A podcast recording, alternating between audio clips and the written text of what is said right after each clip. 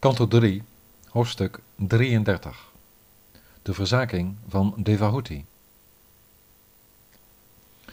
Maitreya zei Nadat de beminde echtgenote van Kardama, de moeder genaamd Devahuti, al dus had geluisterd naar de woorden van heer Kapila, bracht ze, nadat ze bevrijd was van de sluier van onwetendheid, hem haar eerbetuigingen en droeg ze gebeden op aan de auteur betreffende de fundamentele waarheden die de grondslag vormen van de bevrijding. Devahuti zei: Men zegt dat de ongeborene Brahma, die voortkwam uit de lotusbloem voortspruitend uit je buik, op jou in het water neerliggende lichaam mediteerde, dat de bron vormt van de stroom van de natuurlijke geaardheden en het beginsel is dat al het gemanifesteerde van de materiële elementen, de zinnen, de zinsobjecten en het denken doordringt. Als die ene persoon van het universum, die door de interactie van de geaardheden de schepping en dat alles verdeelde, houdt je stand op basis van je heldenmoed. Jij vormt daarbij, door je te onderscheiden als de onfeilbare die niet handelt, het verschil als de heer van alle levende wezens, wiens duizenden energieën het bevattingsvermogen te boven gaan. Hoe kan het dat jij als diezelfde persoon geboorte nam uit mijn schoot, mijn heer? Jij die met je onvoorstelbare vermogens het universum in je buik draagt. Jij die aan het einde van het millennium je geheel alleen neervlijend op het blad van een banianboom als een baby je voet likt. Jij hebt dit lichaam aangenomen om het zonder handelen terug te dringen, o mijn Heer, en instructies te verschaffen over de toewijding. Net als met nederdalingen van je als de zwijnincarnatie en anderen, ben je er met deze om het pad van de zelfverwerkelijking te openbaren. Met jou is op welk moment dan ook, zelfs de laagst geborene, met het horen zingen van je naam, het brengen van eerbetuigingen aan jou, of zelfs maar door de enkele herinnering aan jou, er terstond toe in staat de Vedische rituelen uit te voeren. En dan hebben ze jou, o fortuinlijke, nog niet eens van aangezicht tot aangezicht gezien. O hoe zalig en derhalve aanbiddelijk is hij die je heilige naam voor op zijn tong heeft, ook al kookt hij maar hondenvlees. Terwille van jou deden de zielen van geestelijke ontwikkeling, die de Veda's bestudeerden en jouw heilige naam hebben aanvaard, hun boete, brachten zij vuuroffers en dompelden ze zich onder in de heilige rivieren. Jou bied ik mijn eerbetuigingen, jij, de hoogste geest, de hoogste persoonlijkheid, Heer Vishnu, die de naam Kapila draagt en de bron van de Veda's bent. Hem, naar wie ik mij inwaarts keerde, die ik voor de geest had, waarop ik mediteerde, en door wiens vermogen de invloed van de geaardheden verdween.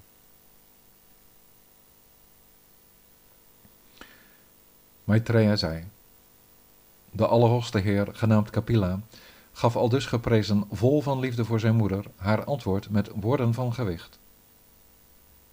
Heer Kapila zei, door dit makkelijk uit te voeren pad te volgen dat ik u uiteenzette, mijn beste moeder, zal u zeer spoedig het hoogste doel bereiken. U kan erop vertrouwen dat met deze instructie van mij, die door de transcendentalisten wordt nageleefd, u mij vrij van angst zult bereiken, terwijl zij die hier niet van op de hoogte zijn, de herhaling van de kringloop van geboorte en dood realiseren. Maitreya zei, na deze uitleg nam die eerbiedwaardige Allerhoogste Heer van het pad van de zelfverwerkelijking, Kapila, de leraar van de absolute waarheid, met permissie afscheid van zijn moeder en vertrok. Zoals haar zoon het haar gezegd had in zijn yoga-instructie, concentreerde ze zich om in dat verblijf dat met zijn bloemenwilde het kroonjuweel van de Saraswati-rivier vormde, verbonden te zijn in de wetenschap van de bewustzijnsvereniging. Regelmatig een bad nemend, werd haar krullende, samengeklitte haar grijs en werd haar in oude kleren gehulde lichaam mager van de zware boetedoeningen. Kardamamuni, de stamvader van de mensheid, had op basis van zijn verzaking in de yoga zijn ongeëvenaarde woning met alles wat erbij hoorde tot stand gebracht, een verblijfplaats die zelfs door de bewoners van de hemel werd beneden. De ivoren bedden, wit als melkschuim, hadden met goud bestikte spreien en de stoelen en banken waren van goud gemaakt en hadden zachte kussens om te zitten. De wanden waren vervaardigd van puur marmer en ingelegd met kostbare smaragden, en de lampen straalden van dezelfde juwelen als waarmee de dames zich opsierden. De tuin van het huis was prachtig met zijn bloemen en vruchten, vele bomen met paadjes zangvogels en het gezoem van dronken bijen. Als ze een bad nam in de naar lotussen geurende vijver, zongen de hemelse metgezellen voor haar over Kardema's goede zorg. Maar als ze die tuin verliet, die zelfs begeerd werd door de vrouwen van Indra, had ze een treurige uitdrukking op haar gezicht, omdat ze leed onder het feit dat ze gescheiden was van haar zoon. Met haar echtgenoot naar het woud vertrokken en haar zoon bij haar weg, werd ze, ondanks de waarheid waar ze van op de hoogte was, zo verdrietig als een zorgzame koe die haar kalf kwijt is. Met haar gedachten gericht op hem, haar goddelijke zoon, heer Kapiladeva, raakte ze zeer snel, o bestie Vidura, onthecht van haar fijne woning. Volgens de instructie van haar zoon, mediterend op de gedaante van de Allerhoogste Heer als het voorwerp van haar spirituele bezinning, hield ze het geheel en de delen van zijn lachende gezicht in gedachten.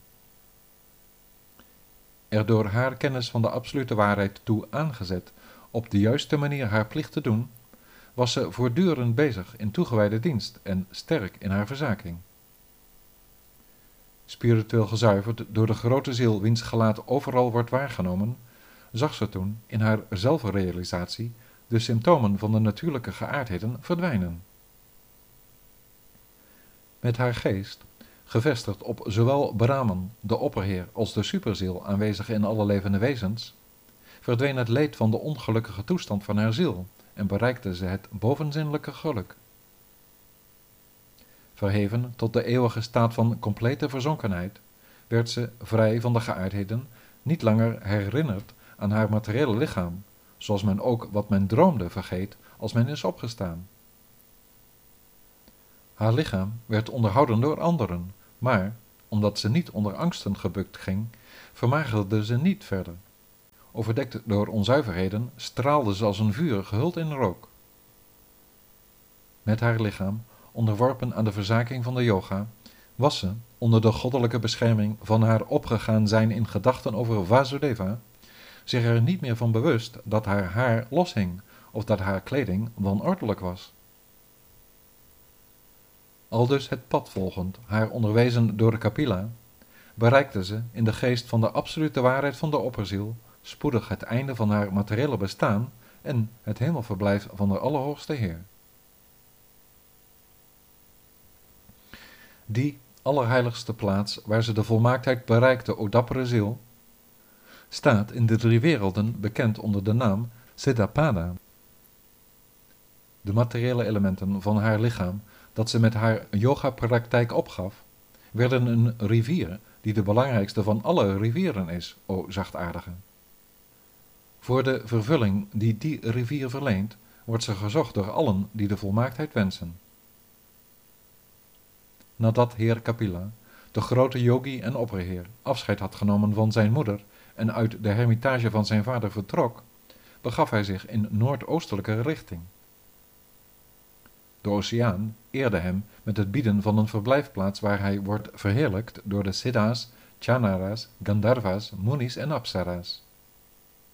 Aldaar aanbeden door de leraren van het voorbeeld die het Sankhya Yoga systeem beoefenen, verkeert hij permanent in samadhi om de verlossing te verzekeren van alle zielen in de drie werelden mijn beste zonderloze. Dit wat ik u op uw verzoek vertelde over Kapila en zijn conversatie met Devahuti, zuivert degene die er naar luistert. Wie ook maar luistert naar of uitweidt over deze vertrouwelijke leringen van Kapila Muni wat betreft de eenheid van de ziel, en al dus zijn geest heeft gericht op de fortuinlijke die de vlag van Garuda voert, zal de lotusvoeten van de Allerhoogste Heer bereiken. Aldus eindigt het derde kanto van het Srimad Bhagavatam, genaamd de status quo.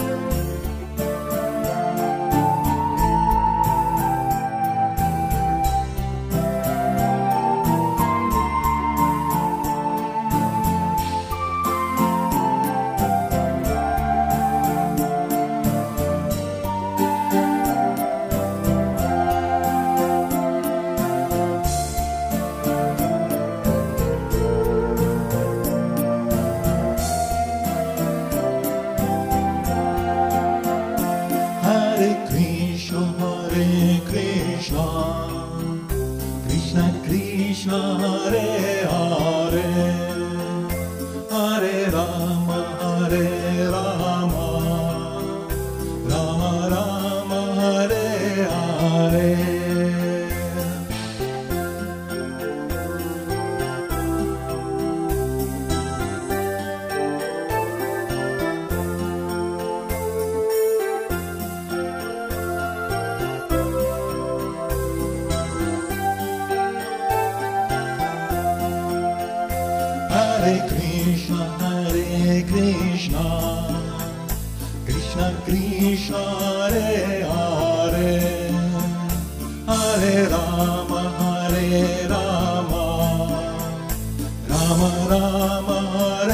Hare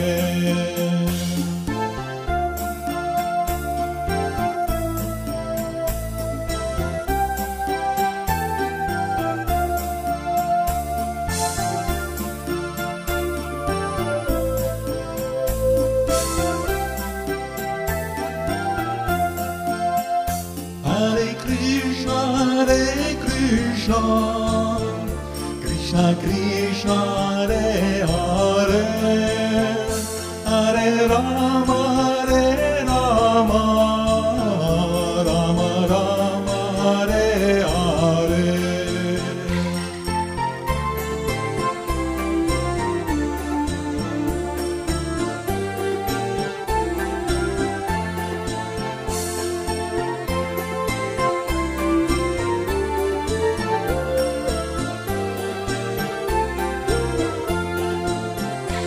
Hare Krishna.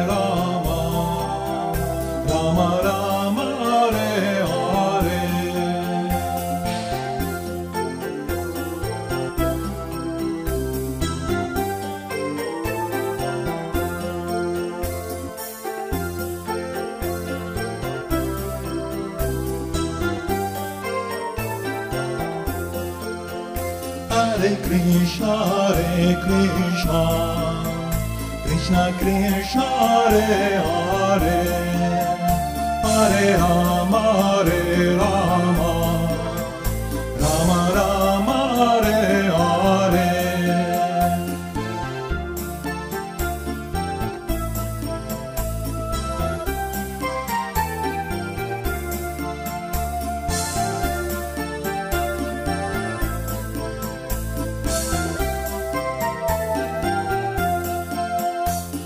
Krishna, Hare Krishna, Krishna Krishna, Hare Hare, Hare Rama, Hare Rama.